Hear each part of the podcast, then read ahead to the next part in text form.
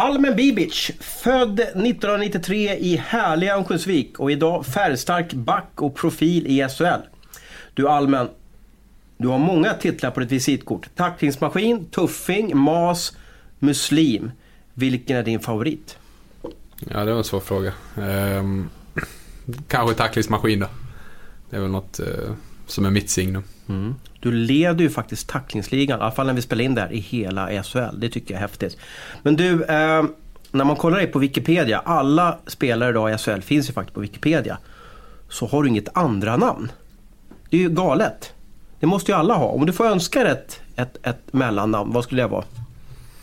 Eh, det har jag väl aldrig tänkt på. Eh, men eh, jag har ju faktiskt ett smeknamn. Eh, det har väl Jugoslaver har inte eh, andra namn oftast.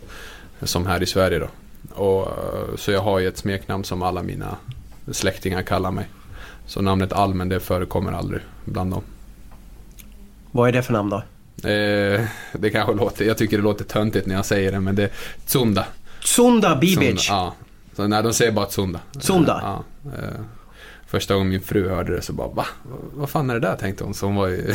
Det låter som någon träningsform på Friskis och Svettis. Ska vi köra Tsunda? Ja, jag vet inte vad det är men det, det får jag alltid höra. Så Almen heter jag i Sverige och Tsunda heter jag i Jaha, och vad heter eh, brorsan då måste jag fråga då? Vad... Roja. Roja och Sunda. Ja, så det är det alla kallar oss. Då har vi fått lära oss någonting nytt och vi kommer lära oss mycket, mycket mer om, om Almen Bibic. Välkommen till podden. Tack. Goddag och välkomna till ett sammandrag av nattens match i Canada Cup. Vilka mål! Sundin går in framför men där vi inte mål! Mats Sundin gör 1-0 för Sverige! Bakom muren, gör mål köksvägen! Peter Forsberg gör ett drömmål! Peter Forsberg gör ett drömmål!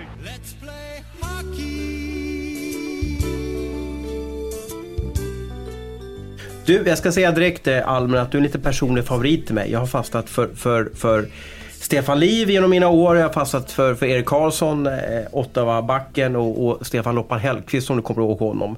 Eh, och jag gillar din bakgrund, jag gillar ditt sätt du uttrycker på och hur du spelar hockey. Härligt va? Ja, eh, de är ju på en helt annan nivå tycker jag. Men det är stort.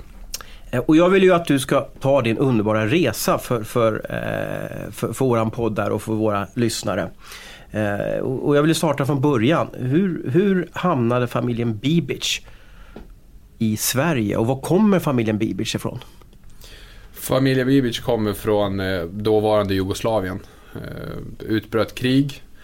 Pappa ville inte vara med i och, och kriga då. Det var ju stor del att han skulle bli mördad. Eh, hans bror gick bort i kriget. Och, så det var ju... Han ville ju ha det säkert för sin familj och sin fru så att... Eh, han tog sitt pick och pack, eh, lite kläder, allen under armen, jag var då i magen. Så jag är made in Jugoslavia men kom ut här då. Ehm, sen var jag, jag vet inte om det var riktigt så här men så här har jag fått höra det att de, det var väl en, några bussar som stod där och de hade fixat lite med visum och sådär och hur de skulle ta sig ur landet och sen var det väl en buss som gick till Holland tror jag, en som gick till Tyskland och en som gick till Sverige. Och så började, ja men vart ska du? började folk.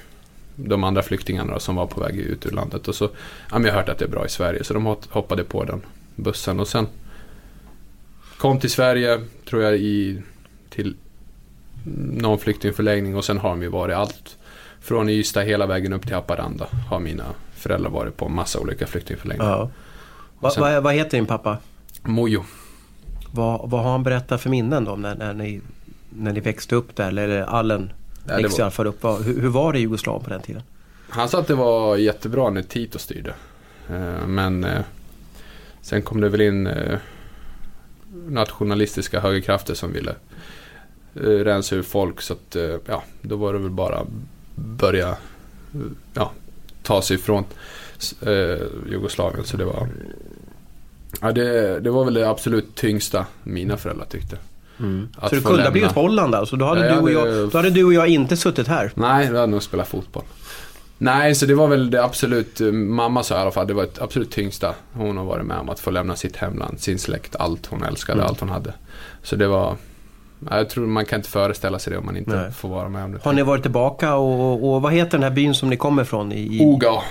Oga. Ja. Har, Eh, har vi ni varit tillbaka och hälsat på där eller? Ja, ja. Eh, När det lugnade sig efter en, jag vet inte om det var efter en 8-9 år efter kriget så åkte vi ner första gången. Och sen efter det har vi åkt ner nästan varje sommar. Så det var viktigt för pappa att eh, egentligen planen var ju att vi bara skulle komma till Sverige medan det var krig.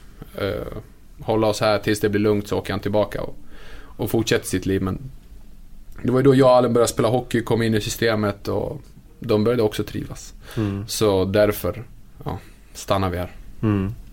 Eh, Men, men hur var de första åren då? När du, du kanske inte minns själv, men ni fick flytta runt ganska mycket i Sverige. Oh ja, det var flyktingförlängningar från eh, upp och ner, fram och tillbaka tills vi hamnade i Rättvik då. Där fick vi stabilitet. Mm. Pappa började jobba på Bella Pizza eh, som han sedan köpte utav Ali som hjälpte oss jättemycket. Men han började där jobba på diskbänken, tog skitjobbet och han ville verkligen eh, ja, tjäna pengar och, och ta sig någon vart här i livet. Han var inte bara nöjd med att leva i den där ovissheten. Och varför blev det Rättvik då? Du, du, du är född i Örnsköldsvik och du har bott, hur många olika platser har du bott på i Sverige? Jag vet inte, det är väl med, jag var ju så liten då så jag minns faktiskt inte men eh, mina föräldrar har bott på många. De, de har koll. Ja, Eh, men varför det blev Rättvik, de satte oss väl där tror jag. okej. Eh, personligen tycker jag att det var rätt bra för oss för att vi eh, hamnade i det var både bra och dåligt. Vi hamnade i ett eh, område där det inte fanns så jättemycket eh, utlänningar vilket gjorde att vi fick lov att anpassa oss. Eh, vi, vi lärde oss språket snabbt, sederna och allting. Sen har vi självklart vår kultur kvar men det gäller att respektera dit man har kommit. Så att eh, det var bra, det var bra för oss. Men även tufft, vi kändes ju väldigt ensamma och en tuff början. Det var, det var lite tufft också. Mm.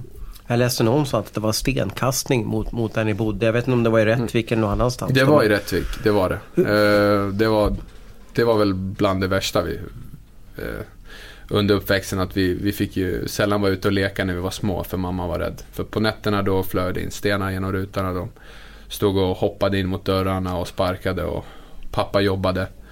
Ehm, han skulle ju han jobbade först på pizzerian och sen jobbade han natt som bilmekaniker för att få ihop så mycket pengar som möjligt för att skicka ner till släktingar som var i behovet av det. Ja. Ehm, och då var ju vi ensamma så vi var, vi var jätterädda men till slut blev man ju van med det också. Men det var... Vi fick inte vara så mycket barn när vi var små, Allen. Vi fick inte leka utan det var mycket, fan ni kan inte gå ut. Ser ni vad de håller på med på nätterna? Hon vågade aldrig släppa oss ensamma utan då skulle mamma vara med.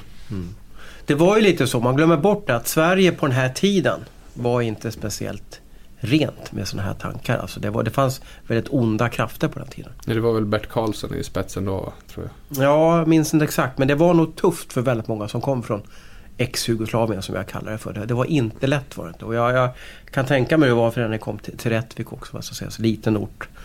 Det var, nog, det var nog tufft för er. Ja men det var det, man fick hela tiden armbåga sig fram. Men Ja. det är väl jätten... Men varför kastade de sten på lägenheten? Varför gjorde de det då? Jag vet inte, det hade väl kommit ett gäng utlänningar som hade flyttat in där och det kanske stör, störde många och de ska härifrån så de ville väl göra det så obekvämt som möjligt för oss. Till slut flyttade vi faktiskt därifrån, eh, just det området, till ett lite lugnare, mitt i centrala Rättvik. Och där blev det faktiskt mycket lugnare, men sen fortsatte allt i, i skolan. Så Ja. att det var ju väldigt mycket hela vägen upp till årskurs 9, sen lugnade det ner sig. Okej. Då hade jag... ja, Så, mm. Hur var grundskolan för dig då? Var du, var, du, var du duktig i skolan eller hade du det tufft? Jag hade det tufft. Jag var rätt vild. Eh, och det, det var... Jag var, inte så, jag var inte så duktig alls faktiskt. Nej. Allen var ju mycket, mycket bättre. Ja, ja. Men... ehm, nej, det var tufft och det var mycket... Ja, men försökte någon sätta sig på mig då gjorde jag allt för att visa att det inte var okej. Så det var, det var mycket sånt. Upp till rektorn, samtal hem. eh, Okej. Upp till rektorn, samtal hem. Och ja, så var det mycket. ja. Du, eh, Bibic, kom, ni kommer ju från Serbien. Det är ett fantastiskt land att få fram bolltalanger. då. Va- Varför blev det inte fotboll eller handboll för er? då? Varför blev det ishockey? Vad, vad, hur började du spela hockey också? Jag gjorde ju allt Allen gjorde när jag var liten. Allen Okej. var ju min idol. Och allt Allen gjorde tog jag efter. Det var inte mycket tanke efter det. Så Allen började spela hockey och eh, jag såg en hockeytränare och då började jag knuffa på pappa som jag vill också börja spela hockey. Jaha.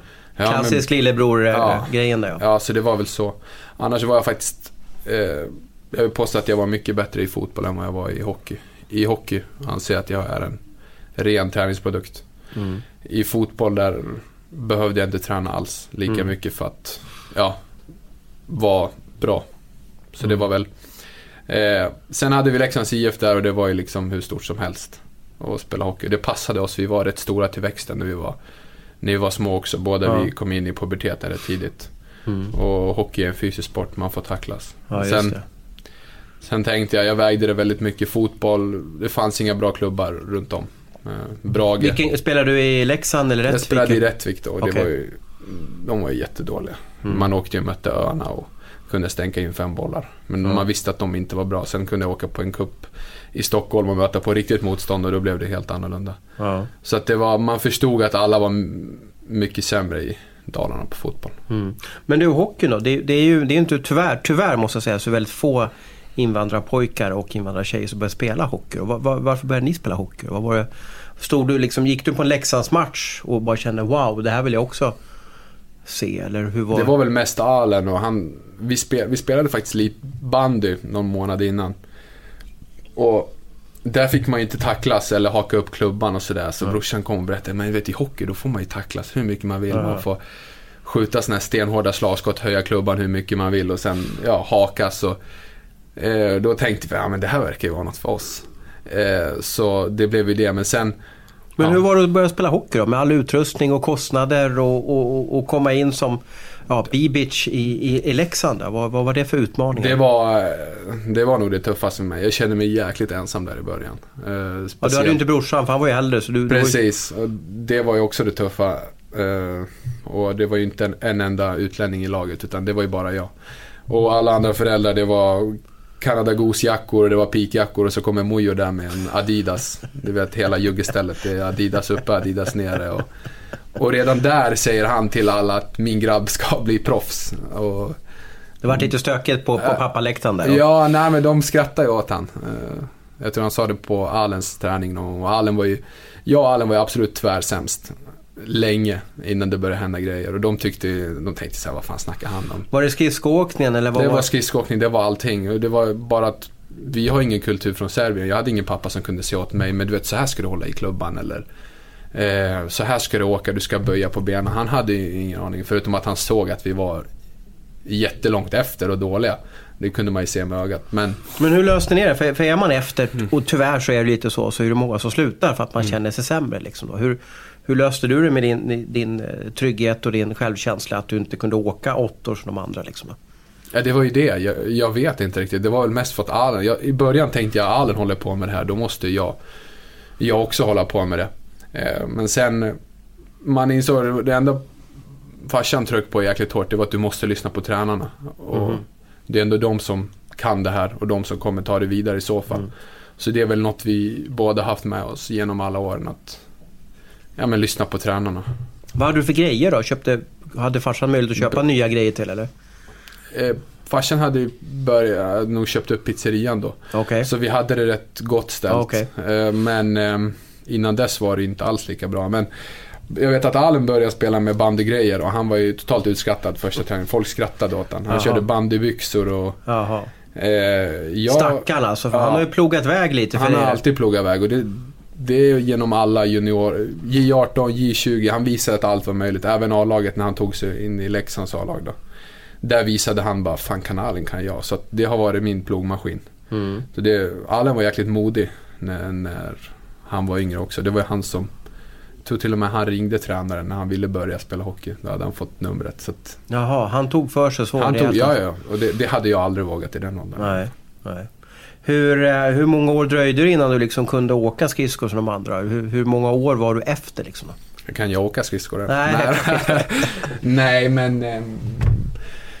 jag vet inte, det började väl explodera där vid kanske, fj- eller explodera, 14-15 då började jag verkligen Så få koll. sent alltså? Ja, 13, 14, 15. Jag, men jag var jättestor så jag hade Aha. svårt att hålla koll på kroppen.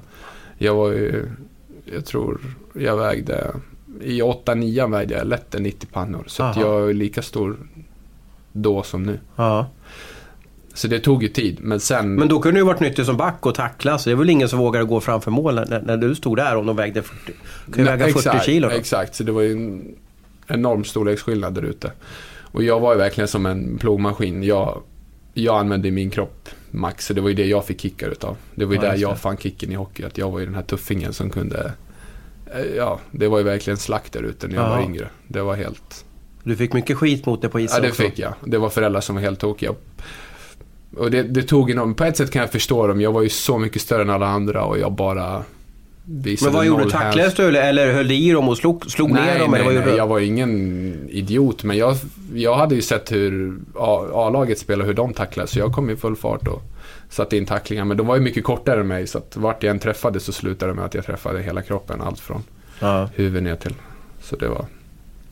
Vad är det värsta du har hört från, från äh, läktarhåll då? Oh, eh, ja, det var massa. Det, det är inget jag vill lämna här, men det var, det var mycket. Det var Mm. upprörda, upprörda föräldrar. Så att någonstans är jag van vid den hettan nu. Ja. Du, eh, hur fixar du det då? Och hur fixade farsan det att höra att, att, att sonen får skit då liksom på isen?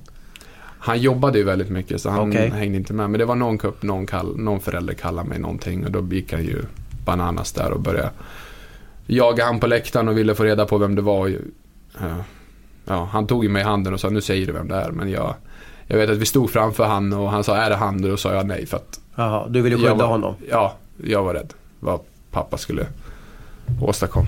Fick du bra stöd från tränare och sådär liksom, för att, för att eh, utbilda dig och liksom lära dig hur du ska vara som ja, både som person och som hockeyspelare? Mm, Ja, både... Jag hade, jag vill påstå att jag alltid haft bra tränare. Nej, Den som eh, jag fick kanske mest hjälp utav, det var nog Johan Rosén. Han Mhm. hade jag i, i... Jag tror jag hade han från U15 upp till J18. Om jag inte minns fel. Han var jättebra. Han Mm. lärde mig vad som krävdes för att bli proffs och han körde, han körde stenhårt med oss. Mm. Han var hård, rättvis och ville man, gav man allt då, då såg han det och han gav en chans. Han var verkligen, ja, om man jobbade hårt så, han var jättebra faktiskt. Mm. Vilken häftig uppväxt du har haft i alla fall då. Ja, Och det är väl den som har präglat dig, att du, du eh, jobbar hårt för att bli bättre varje dag. ja men så är det ju. Det, jag måste hela tiden jobba, eh, speciellt med en hockey när vi har ingen talang, varken jag eller brorsan. Så vi hittar alltid på lite grejer, vad vi ska hitta på före eller efter träningen och Mm. nöta på. Du, eh, eh, idag kan du le lite av dina antagonister här från juniortiden. Du är ordinarie i SHL. Du har tagit dig från Serbien via Rättvik, Leksand och, och Rögle. Kan du luta tillbaka liksom och vara nöjd nu eller vad, vad, vad har du mer för mål? Nej, nöjd blir jag aldrig och det är väl det. Eh, jag har jättesvårt att sätta mig, luta mig tillbaka och känna fan jag kom hit. Det känns bara hela tiden som att uh, man klättrar upp för ett berg och det folk jagar dig bakifrån hela tiden och du måste hela tiden fortsätta klättra. Annars kommer de gå förbi dig och de tar din plats och du är borta. Du är borta ur leken och det vill jag inte ska hända. Målet är ju att bli ännu bättre. Bli den bästa almen jag kan bli. Och Okej. kunna, när jag väl lägger av så kan jag liksom se på min karriär och, och tänka jag gav fan allt och hit kom jag. Så Ja. jag, då kanske jag kommer bli nöjd. Ja. Men Men vad siktar du på då? Är det liksom NHL, landslaget eller vad har du för... Nu är du ändå ordinarie i SHL och det måste ju varit ett delmål. Men vad, vad är nästa mål då? Det är väl att bara spela bra hockey och sen självklart NHL. Det vore riktigt, riktigt häftigt. Det vore... Hade jag kommit dit då hade jag... Men så tänkte jag om bara allsvenskan. Om jag bara hade kommit till Leksands A-lag så skulle jag bara... Men det känns som att när man väl kommer dit så vill man bara bli ännu bättre. Men det är väl NHL, absolut. Det skulle vara riktigt häftigt. Vad behöver du träna på för att nå dit? Oj, allt. Jag behöver bli... Ja, allt faktiskt. Men jag jobbar på det dagligen. Spelet med puck. Eh, spelet utan puck. Kyla. Ehm, ja, det är väl det.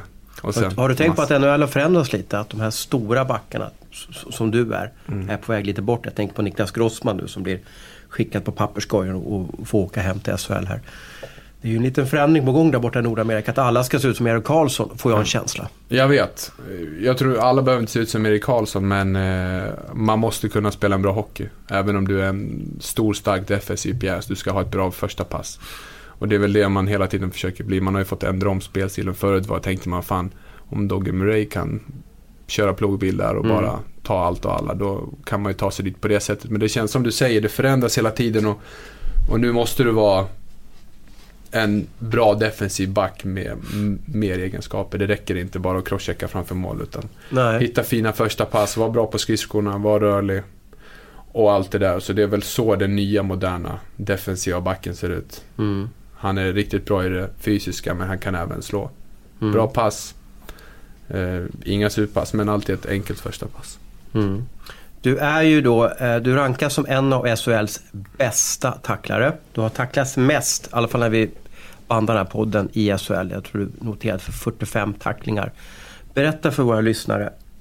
Hur blir man bättre på att tacklas och hur tränar du tacklingar? För att idag, om man ser en träning med Rögle idag, så du kan ju inte åka och smälla på någon. Det funkar ju inte så. Och hur tränar man på att bli bra på tacklingar i då? fall? Står du allmän, eller allen hemma i, vardagsrummet och tacklas? Eller hur tränar du för att bli så bra på att tacklas? Det är väl något som har suttit i sen jag var liten. Tacklingar. Jag såg ju mycket på TV hur de här i NHL gjorde. Och Vad hade du något- för eh, killar som du, som du youtubade där då? Det var väl, jag tyckte Kronwall det är en fantastisk tacklare. Okej. Det, är liksom, det är poesirörelse, det ser helt fantastiskt ut. Det är lite med rumpan tacklas. ja, jag du? önskar att jag, var, att jag också kunde tacklas som han faktiskt. Men det, jag vet han måste ha nacke, ögon i nacken. För att jag har försökt tackla med rumpan men då missar jag oftast. Okej, då Så ser du lite, då ser lite klantigt ut på isen då Ja. för man missar. Så det är väl det, jag går hellre fram med hela kroppen och sänker huvudet framåt. Så det, det tar mer skada på mig och det är, väl det, det är väl därför jag önskar att jag kunde tacklas som Kronwall. Men nu tacklas jag på det här sättet. Och, och så är det. Men hur, hur tränar man på det? Jag vet inte riktigt. Det handlar om mycket mod. Att våga åka in i någon i full fart som kommer i full fart. Mm. Det handlar mycket om mod för att det gör ont. Det, ju- det kan ju se, när man, om jag nu tacklar någon annan som ligger och, och kvider, det kan göra minst lika ont på mig. Jag kan tappa luften, AC-leden kan ha, ha rykt i axeln och det gör, ju, det gör ju ont. Men det handlar om mod. Vissa tacklingar gör inte ont alls. Men hela tiden mod, våga. Det är som en offensiv back, han måste ju våga, våga spela ut. Hitta de här avgörande fina passningarna. Det är samma om, om man ska tacklas i mittzon till exempel och, och sätta en sån här fin hit. Där, där handlar det om att våga och hela tiden bedöma risken. Vad, om han hoppar förbi mig bakåt, har jag täckning? Mm. Så det är mycket sånt och det är något jag har jobbat på genom åren. Jag var i, riktigt oslipad i ja, U16, J18, J20. Då var det... Eh, jag bedömde inte situationerna så bra om jag hade täckning bakåt eller om jag skulle bli rykt. För då, då sträckte jag, jag sträckte hellre ut ett ben och tog en bentackling än att bli bortgjord. Nu kan jag hellre hålla in benet men jag vet att jag har täckning bakåt. Så det är väl Mm. sånt. Vad tänker du på i tacklingsögonblicket? Vad, vad siktar du på på spelaren? Och, och vilket läge vid sargen vill du tacklas? Helst ska ju styrspelet vara rätt. Han ska ju komma där han är rätt trängd. Eh, mm, ja, i mittzon någonstans. Han ska inte ha möjlighet att hoppa in i banan, för då är jag rykt. Det går inte bara att åka rätt fram och, och smälla någon som har huvudet uppe och det inte är någon. Utan det ska vara rätt trångt i mittzon och, och innan det ska man ha läst spelet. Sen tänker jag på, har jag täckning bakåt, då kan jag kliva upp. Har jag inte täckning bakåt och kliva upp, ja, då måste jag ta både han och pucken. Mm. Eh, och sen tänker jag på böj på, på benen. Det försöker jag tänka på mer nu för att det inte ska Så bli att du blir lägre, menar ja, du? Mm. så att jag inte träffar huvudet. Mm. Böja på benen, håller in armbågar och sådär spänner kroppen och sen är det bara blunda. Du blundar Prec- alltså Precis tackling? innan, precis innan. Det tror, jag, det tror jag nog alla gör. När det blir en sån här jättehit. Säger man någonting precis innan liksom bara? Eller, eller är man helt tvärtyst som en, liksom en På ubåt? träning, på träning jag, nu har jag ju aldrig satt en sån där, det har jag väl kanske gjort någon gång tidigare. Men eh, då brukar man skrika heads up. Okej. Eh, nu skriker jag heads up till Ilari Filppula då har han gjort, gjort bort mig och har spelare crossöver och så är det 1-0 i baken. Så jag, jag kan inte ge det till en motståndare. Då skjuter jag mig själv i foten bara. Men under tacklingen kan det ju bli ett sånt här stön som båda, när hela kroppen ger ifrån sig något. Vem är tuffast att tackla? Vem är det som du inte riktigt, riktigt kommer, kommer åt i SHL? Det är väl de här mm, riktigt smarta spelarna. Till exempel, ja, nu kan Ilari Filppula, han, Mm. hans huvud.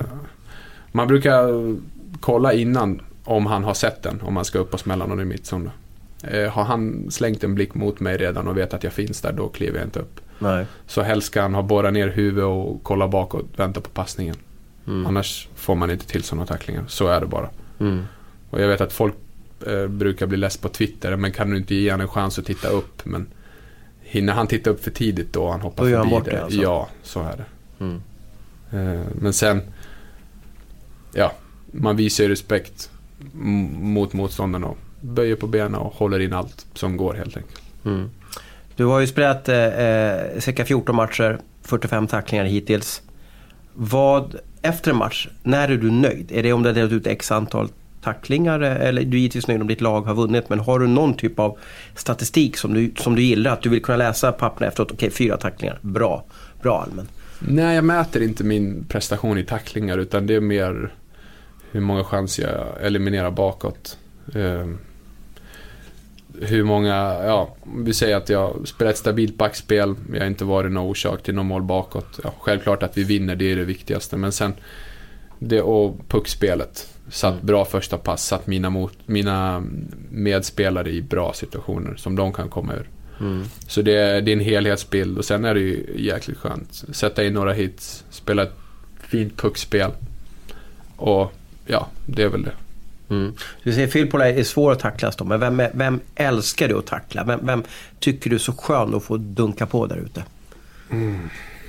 Ja, vem är det? det, det Har du någon antagonist där ute som, som du har mött så många gånger i SHL som, som, som du, du, du verkligen älskar att få smälla på?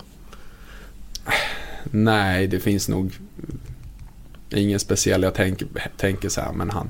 Man hinner oftast inte eh, tänka så, så långt faktiskt. Nej. Nej. Du, eh, eh, domarna i SHL, hur ser du på dem? Eh, de gör väl sitt bästa, precis som vi där ute. Och, och det blir fel, men eh, någonstans kan jag känna att det blir linjedomarna ser efter varenda avblåsning kan det bli, känns som att det är en MMA-fight framför mål. Det ska in och det ska slitas och de ska dra bort den fast man inte ens gör någonting. Så där, det, det är väl ett moment som, brukar, som jag brukar irritera mig på. Mm. Pratade med Eldebrink, eh, Anders Eldebrink, tränare för Rögle, inför den här podden och han var inne på att, eh, att du och brorsan, ni straffas för att ni heter Bibic lite mer än andra spelare. Ja men så är det. Är det en 50-50 utvisning och det står Bibic på ryggen, då är det klart armen ska upp. Ja. Står det inte det, då, då blir man inte lika Och varför är det Hårt. så då? Är det för eran Det bakgrund eller för att ni är Ja. stora på isen? Eller? stora på isen. Jag tror att åker man runt och, och satt en 4-5 hits som är helt regelrätta. Eh, motståndarlaget skriker ju ändå. Och sen om det kommer en liten grej, då, då känner jag ju pressen att den ska upp. Och sen har jag ju känt innan jag går ut i sarghörnet och ska klämma dit någon, då, då hör man ju Bibic, lugn, lugn, innan man ens åkt ut. Och det är något Mm.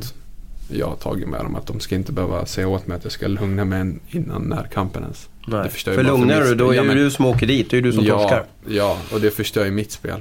Så att eh, jag har sagt åt dem, det får de sluta med. Mm. Så redan där känns det som att Bibic är på tapeten, gör någonting och armen åker upp fort som fan. Ja. Hur känner man sig då, då? Känner man sig inte lite hjälplös eller att det är lite hopplöst? Eh, jo, det känner jag mest i 18 och i 20. Nu tar jag det bara. Det, det, det ser så dåligt ut när man åker efter domaren och klagar och slår i klubban i sargen och håller på. Så att det är bara att ta det, svälja det och åk vidare. Mm. Så är det bara och det har jag fått lära mig genom åren. Mm. Ja, det gjorde du bra tycker jag i alla fall. Du, eh, du har ju en, en intressant bakgrund, uppväxt, eh, eller kommer i alla fall från, från Serbien och, och gått en otroligt lång väg här i Sverige. Rasismen i SHL, finns det? Hur behandlas du av de andra SHL-spelarna? Nej. Eh, ja, det har inte förekommit än.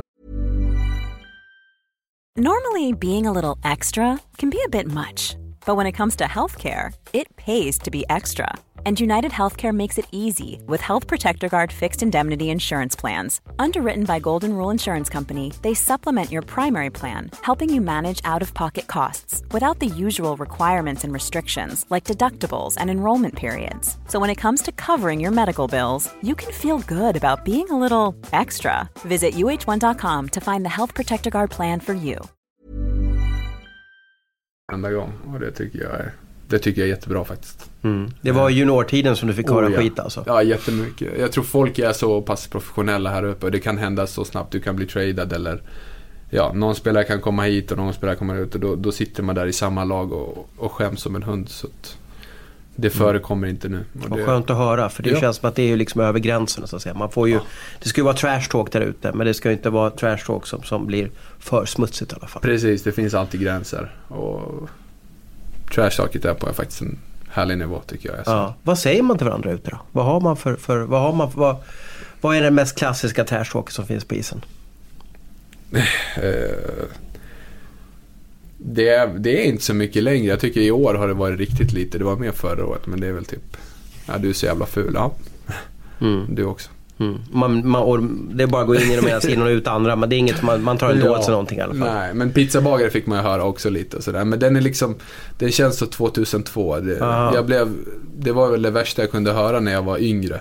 Alltså när jag, när, när jag var pojklagsspelare. Kalla mig någon pizzabagare då, då tappade jag det fullständigt. Nu är det bara... Vad gjorde du då? då? Skulle du åka och jaga killar? Ja, då var det, då var det hämnd alltså. Det var bara som en kamikaze-pilot, alltså inställd Ja, på att och det visste, ju, det visste ju grabbarna andra laget. Sä- Säger man det till Almen eller Allen då... då Ja, Jag tror inte de visste vad som skulle ske efter. Det Okej. var väl mer att eh, de tyckte det var kul att retas. Men ja, så det, det var väl det. Så det, det får man höra ibland. Mm. Du, du är ju troende muslim. Eller, eller Mm. hur... Du är ju muslim, men är, hur, finns det olika grader av muslim? Du får hjälpa mig här som Ja, lite... det finns det väl i allt. Jag menar, är du, är du kristen? Ja, det är jag. Ja. Men inte så... Går du till kyrkan? Alldeles för sällan tyvärr. Ja, precis. Så vi är åt det hållet, förstår du? Mm. Tyvärr går jag inte till. Och jag ber, ja, jag ber väl före matcher och sådär.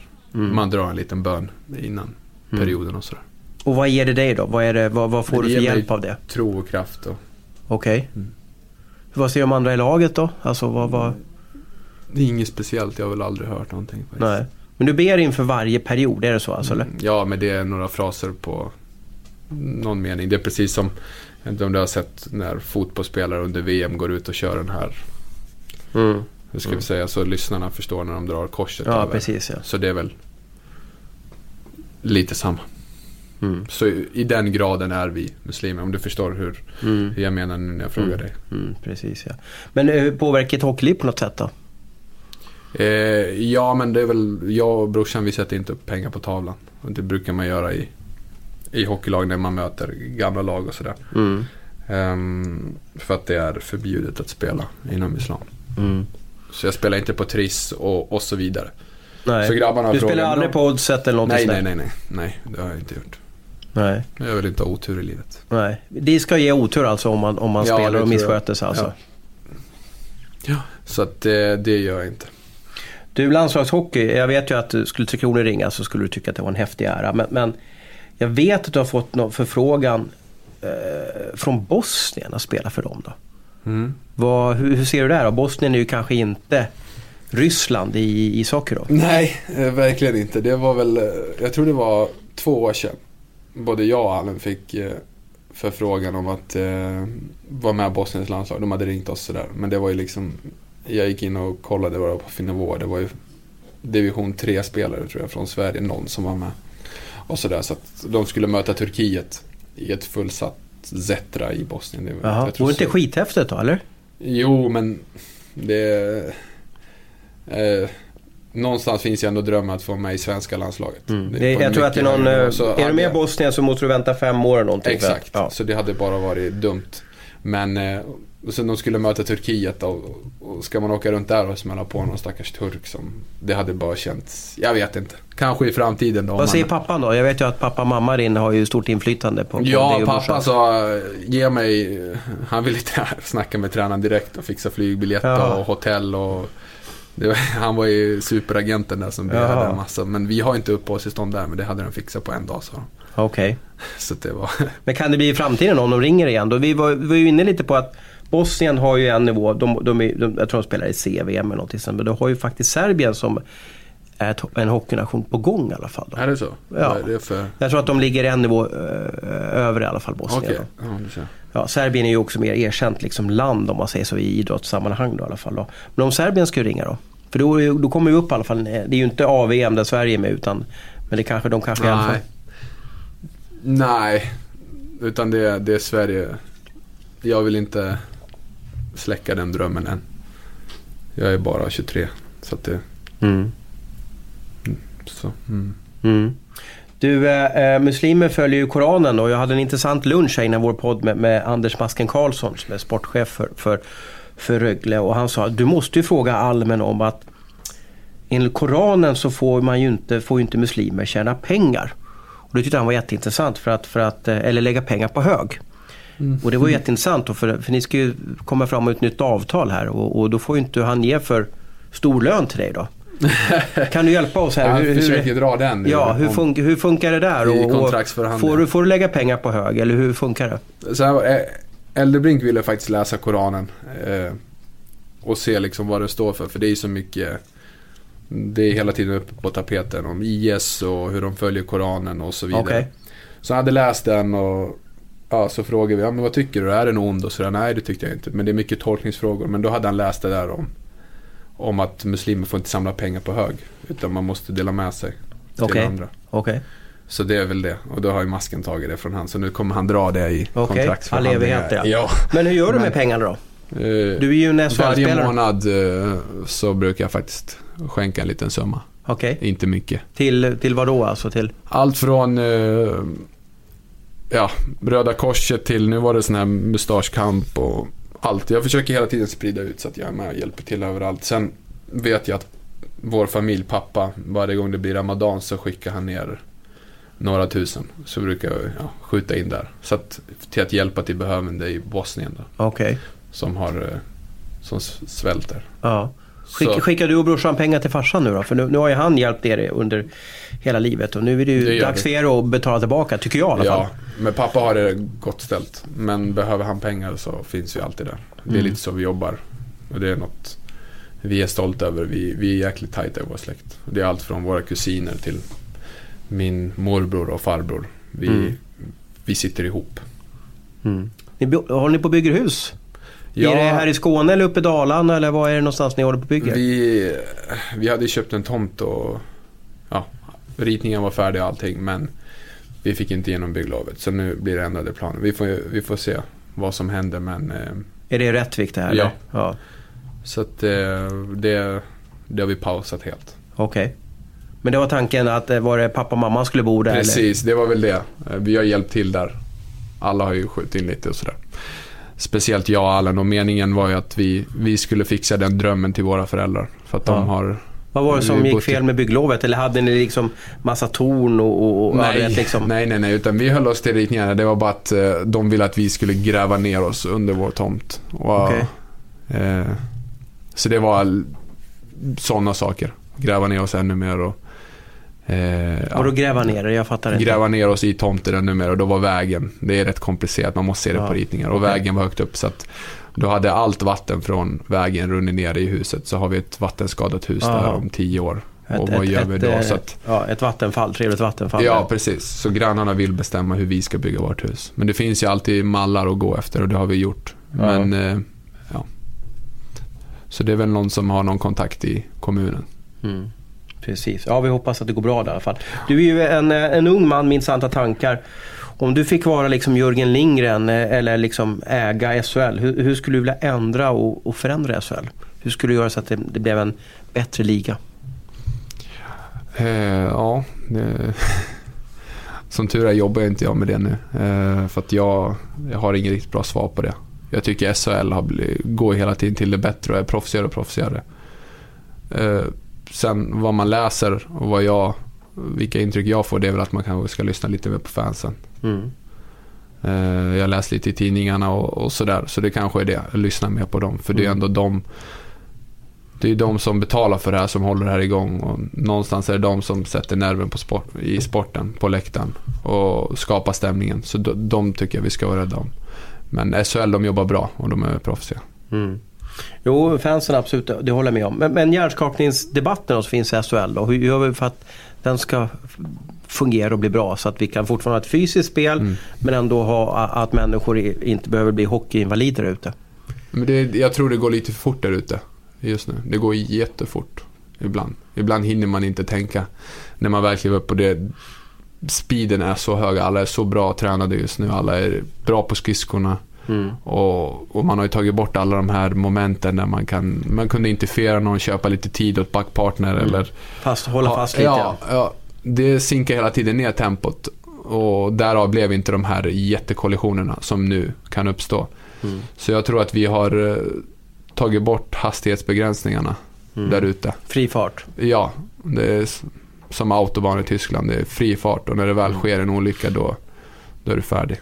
Men vad innebär det? Måste vi liksom godkänna då att det blir någon, någon huvudskada då och då? Eller, eller ska vi liksom försöka få, få tillbaka lite hakningar för att få ner farten då? Eller vad, vad tror Inte du? hakningar men kanske interference och in mer i väg. Fan, det Ja. Vad vet jag? Jag tror att nå, nu kanske jag låter jäkligt destruktiv men ändå, det är ändå huvudskador vi snackar om. Det är folk som kan bli, få men för livet efter hockeyn. Kanske inte där och då.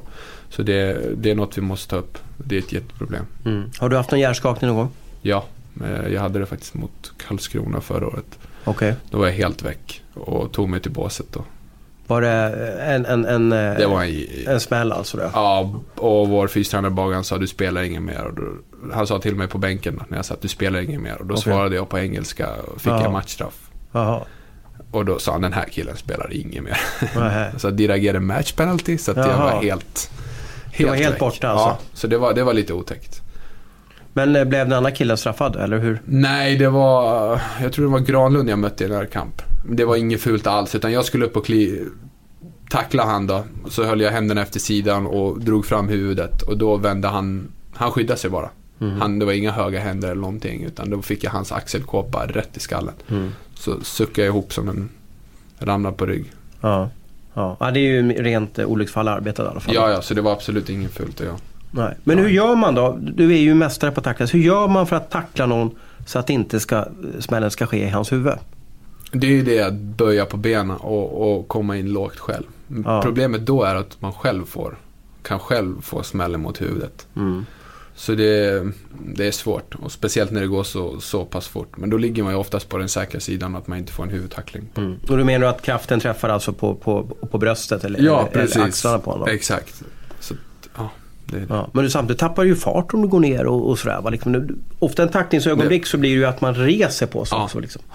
Men det är väl det jag försöker tänka på inför i år så att jag inte åker på. Hade jag böjt mer på benen tror jag när jag tacklade Ekarv så kanske det inte hade blivit sju matcher. Mm. Eh, Så det är väl det jag försöker tänka på. Sen blir det fel. Alla gör fel. Det, och det, det kommer tyvärr bli säkert många, många mer fel där ute på banan. I SHL med tacklingar. Mm. Men ingen gör det med uppsåt. Ingen är ute efter Nej. huden. Ekarv-tacklingen där, och vad, vad, hur förändrar det Almen Bibic? För det är ju den enda avstängningen du har haft. Många är ju på Ja. det att du är återfallsförbrytare och du vet Ja. liksom så här. Men det är ju enda gången faktiskt som, som eh, du har varit avstängd. Precis. Eh, ja men det gör det. Jag kanske tänka till lite mer extra. Men det är farligt att tänka för mycket ute på banan. Om du förstår vad jag menar. Man måste hela tiden slappna av och leva, spela på instinkten. Men eh, jag försöker ju passa mig mer. Men sen känns det som att Ja, efter den tacklingen så känns det som att folk kanske har huvudet uppe lite mer. Mm. Och så, jag tycker ändå att folk ska, precis som jag respekterar andra där ute på banan som har ett riktigt bra skott, då spelar jag efter det. Om Mm. du förstår vad jag menar. Så att han inte ska få stänka upp den utan du försöker ligga nära bla bla. Och lite så ska folk ja, tänka efter att är han, ja, han tacklas mycket, då måste jag ju ha huvudet upp. Mm. Mm. Spännande, det är ju en konst alltså. Häftigt att se att du blundar precis innan tacklingsögonblicket. ja, alltså. men det är ju sådana här jätte, jättesmällar. Ja. När du precis vet att oj, Nu kommer det ont alltså. Ja, nej, Hur, kan man- du likna det? Förklara, hur, hur, hur är det? Hur, hur, är det som att, liksom att springa in en bil eller vad, vad blir det för effekt när du kommer där med, med liksom Ja, det full är det fart? hela kro- Vissa tacklingar känns inte... Det, det jag tycker är tuffast är när man tacklar någon och ingen ramlar. Då stannar kraften där mellan oss. Men Mm. när någon, om vi säger att han eller jag ramlar, då släpper det någonstans. Men om ingen av oss ramlar och det blir en riktigt ja, hård kollision, då gör det ont i hela kroppen.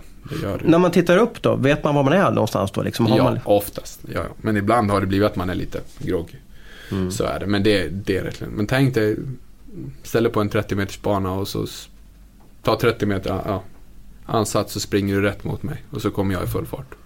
Mm. Vad gör du innan vi springer ihop. Jo, ja, Du man- blundar väl lite, ja, eller? man gör väl det. Absolut. jag tror det är en liten reflex. Men sen Ja. åker jag inte och blundar fem sekunder innan. Då, Då är man borta i alla fall. ja, ja.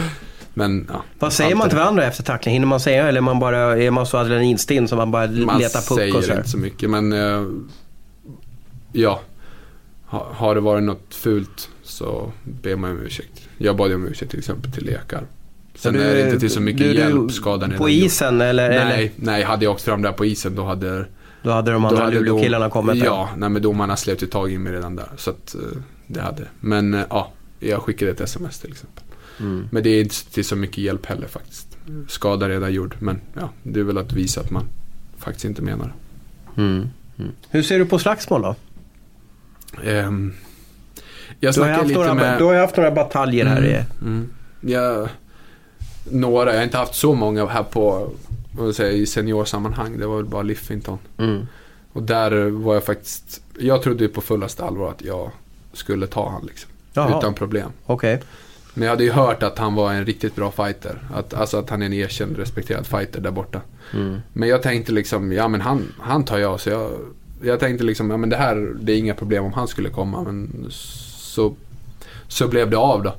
Eh, och så började han slå och han, han slog hårt. Det gjorde Mm. han. Och jag, jag tänkte, men jag håller, jag håller, håller han här runt, runt halsen eller i det här, i tröjan där. Mm. Så får jag låta han slå tills han blir trött. Och sen Okej. kommer jag slå tillbaka. Men han, han slog ju så hårt så att han knockade mig genom... Slagen gick liksom genom hjälmen. Så jag blev ju helt groggy. Så det hade inte varit... Det, ja, ja, det var en bra läxa för mig. Där Mm. lärde jag mig massor om att man Mm. får inte låta någon slå. Men får, vad säger Eldebrink, får du slåss om det är rätt läge? Alltså får du göra det på Vi isen? har aldrig kommit till det. Nej. Han, de vill att vi ska spela hockey. Ja, Så och vara på isen i alla fall. Ja. Sen kan jag önska att... Jag har hört grabbar som har spelat i AHL och NHL. Där åker man inte runt och är... Gör fula saker och är kaxig. Och kom, där kommer du inte undan med det. Då får du stå upp för det. Det, det kan Mm. du göra här. Och Det är det jag menar, att vi har ju det många som, som gör Ja. Mm. fula grejer, slashingar och, och sådär. Liksom. Precis. Speciellt slashingen, det tycker jag är riktigt. Och där... Och ja, jag hade inte haft något problem med att se. För då får du ändå stå upp för det. Mm.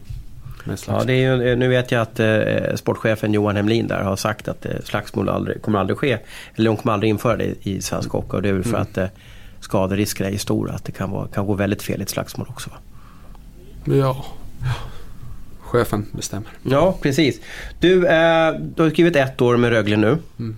Var tar du vägen nästa säsong? Eh, Är du i Rögle för att stanna eller hur öppen är du för att liksom kika tillbaka till Leksand eller något sånt där? Jag är öppen för allt.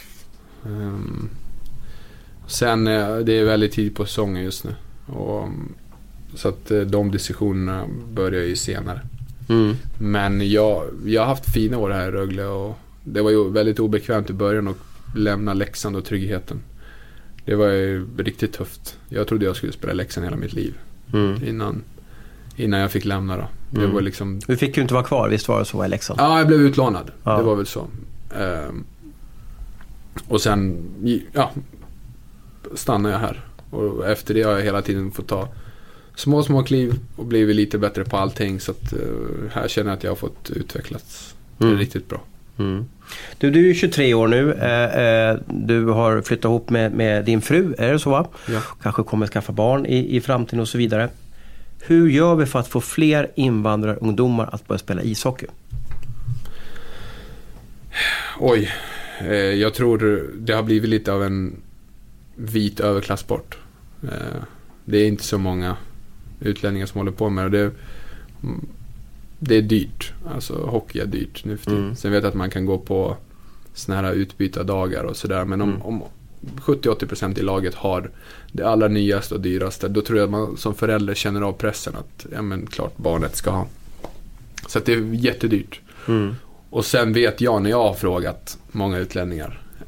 Ehm, varför, ja men ska inte barnet börja spela hockey? Då säger de, nej men där, där slåss ni bara och kör ihjäl varandra. Så att Jaha. vi har kanske fått lite för dålig De har publicitet. ingen positiv eh, Nej. bild av hockey alltså? Nej, så det är kanske det som visas lite för mycket i media, vad vet jag. Eh, Mhm. Slagsmål och, och tacklingar. Mhm. Och hur gör vi för att tvätta bort det? Hur gör vi för att få, få fler Bibic i, i Allsvenskan, Division 1 och SHL då? Ja, hur, hur gör vi? Det, det måste ändå komma från barnet då. Men sen har du stor del med föräldrarna. Jag vet att eh, mina föräldrar var inte glada över att vi skulle börja spela hockey. När vi väl började. Men då var jag Allen så pass Han ringde tränaren stark. själv där. Ja, nej, men, ja, han hade bestämt sig. Eh, nu är det så att pappa är den största hockeynörden man kan hitta. Han ser på varenda match. Men Okej. eh, eh, då var han inte det. Så att, eh, ja. Jag vet inte, jag har inget riktigt bra svar på det faktiskt. Nej, jag hörde jag pratade med Marcus Sturesson, klubbdirektör för Rögle. Han sa att de skulle starta någon typ av Hockey för alla-projekt här i Ängelholm. Och det kan ju ge en öppning. Samtidigt så har ju de begränsat med isytor så det kanske inte finns alla eh, möjligheter att, att liksom erbjuda då allmänhetens åkning som är lite riktat då till, till vissa grupperingar i alla fall. Eh, I, I min bok så är det jätteviktigt för hockeyns framtid att vi får in fler invandrarungdomar i alla fall. Jag tror det hade gett lite mer, eh, ja, lite mer färg på sporten för att alla är olika och det, tänk så får vi fram en ny Zlatan inom Ja. hockey. Hur häftigt vore inte det? En citatmaskin som tycker att han är Ja, bäst. och som är otroligt duktiga också Som, på... ja, precis. För det är något jag kan störa mig på. Att folk som är riktigt, riktigt bra är överdrivet ödmjuka. Mm. Inom hockeyn. De tänker, I fotbollen tycker alla att de är jätteduktiga. Och att de är bäst. I hockey tycker alla Mm. Du tänker på lite Niklas Lidström och sådär liksom? Ja. Mr Humble. Ja, men det är, jag tycker det är, han är superhäftig på sitt sätt. Men om vi hade fått fram någon som också vågar säga fan, ja men jag är, jag är bäst i laget. Mm. Mm. Du, eh, eh, vi började snacka lite med varandra om att vi kanske göra en podd här för någon, någon månad sedan. Då sa du så att man vågar inte vara profil i SHL. Man vågar inte säga egentligen vad man tycker och tänker. Är, är det så? I, är det så att liksom det finns många som, som tycker och tänker i SHL men man vågar inte säga det utåt? Men vi lever i Sverige och lite den här jantlagen. Du får inte synas för mycket, du får inte höras för mycket. Du har någon som rycker dig i, i nackhåret. Så att du ska veta din Men får plats. du och Allen säga vad ni vill efter matchen eller, eller, eller tycker Masken eller Anders Maske Karlsson, sportchef eller Eldebrink att nej, nej, nej. Bara tona ner nu, säg ingenting, berör inte. Nah, då är det för vårt eget bästa. Men de är, det är inte sån så att de går runt och håller i oss. Men ibland är det... Ibland har det nog varit bra att de har hållit en tillbaka för då har man liksom dragit fram motorsågen. Men det är inte... Nej, det är rätt lugnt faktiskt. Men ändå... Eh, ja. Det känns som att det är rätt uppstyrt. Man ska, man ska inte kritisera och, och sådär. Nej. Vad tror du hockeyn skulle vinna på om, om, fler vågade säga sin åsikt om saker och ting? Mm, lite roligare om, man ser på alla dagens intervjuer. De är ju riktigt stereotypa. Mm. Det är riktigt tråkiga tycker jag. Mm. Jag vet när, jag tror det var Jämtin som lackade på någon domare för något år sedan. Mm. På någon YouTube-klipp. Det tycker jag är helt magiskt. Ja, just det. Han, han, det är precis, inget kul för domaren eh, med det påhoppet kanske. Men jag tyckte det var helt, ja, magiskt att se på. Mm. Att han vågade liksom och att han Ja. lät sina känslor Ja, spela ut Ja. också. Det är inte vi ska, bara, vi ska jobba hårdare, vi ska få ner puckarna djupt och vi ska få puckarna på mål. Vi ska ge, ge järnet till varje byte. Vilken, vilken floskel är den värsta som du vet? Ja men det är, det är de här grejerna. Men vi måste jobba hårdare. vi måste spela bättre runt linjen och vi måste få ner puckarna. Alltså det, är, det är de svaren man hör i 95% av alla intervjuer om ett lag ligger under. Mm. Mm. Ja, spännande. Jag hoppas att du vågar ta för dig och hoppas att du liksom vågar vara den du är och, och i många år framöver. För du kommer vara en profil i SHL många år till allmän. Du, bra jobbat här. Vi har kört nästan en hel timme.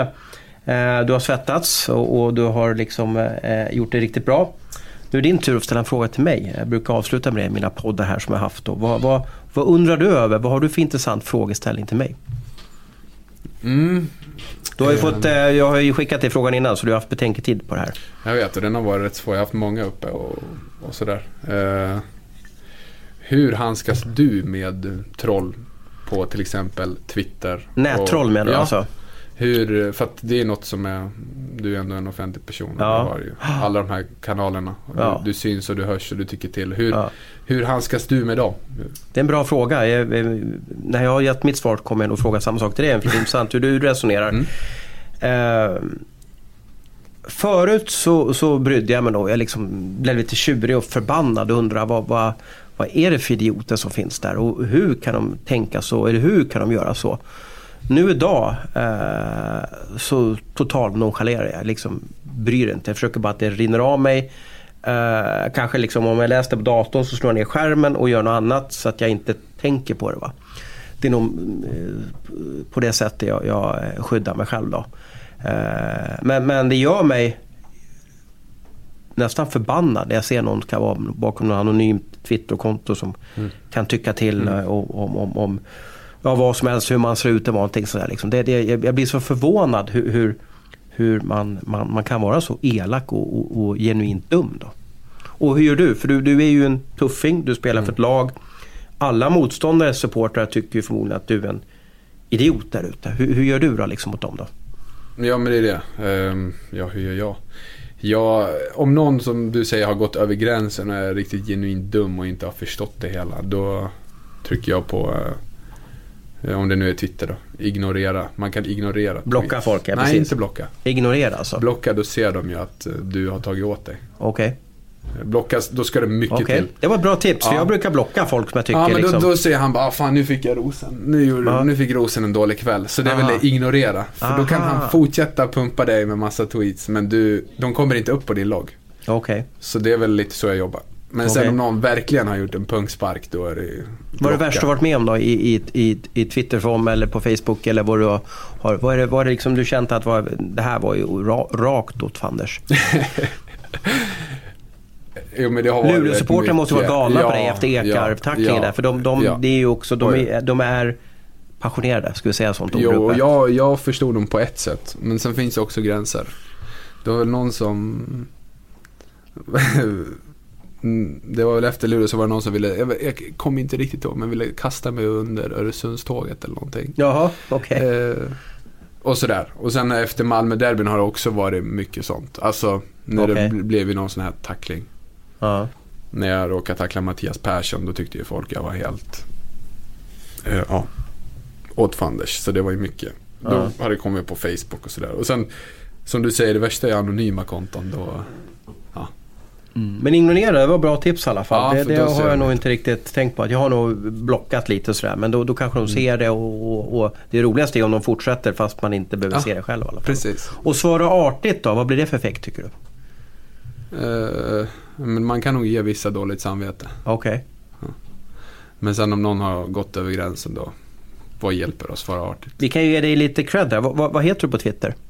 Eh, jag tror jag heter Ministern 93. Okej, och då, då var min Eller, följdfråga. ja. Varför tog du det namnet för? Ministern? När jag var yngre då, så spelade jag mycket CS och så hade jag en grabb som jag... Counter-Strike ja, alltså? Counter-Strike. Och så hade jag en kille som var absolut bäst i våran klan och han hette Ministern och han såg jag upp till riktigt mycket för att Jaha. han, hade, han var absolut den bästa. Så att eh, ja, det, jag ville ju ha hans nickname men det funkade inte att ta det så nu har jag ja, tio år senare så Och vad har du för, du har ju inte ditt ansikte där. Du har, vad har du på något på, på en påfågel. varför har du en påfågel då som, som eh, logga? Ja, men den är så häftig, när den blir kaxig så bara blir den hur, den blåser upp sig. Aha, du ville, du, var, du ville vara lite som påfågeln eller? Nja, jag tycker bara det är roligt. Ja. Mm. Just nu har jag det, jag brukar faktiskt byta rätt friskt. Skönt tugg då. Du, eh, eh, du spelade ju inte derbyt här. Vi, vi bandar här dagen efter derbyt den, vad var det för datum? Den, den 14 november. Hur mår du? Hur mår din kropp? Eh, det är sådär, vi får se. Jag har varit, eh, gjort en kontroll nu på en magnetröntgen. Så vi får se vad svaret visar där.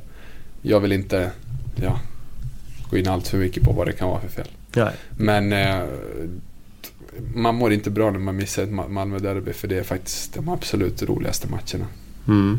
Eh, ja, Du har ju några kvar den här säsongen i alla fall att Ja. spela i då. det har jag.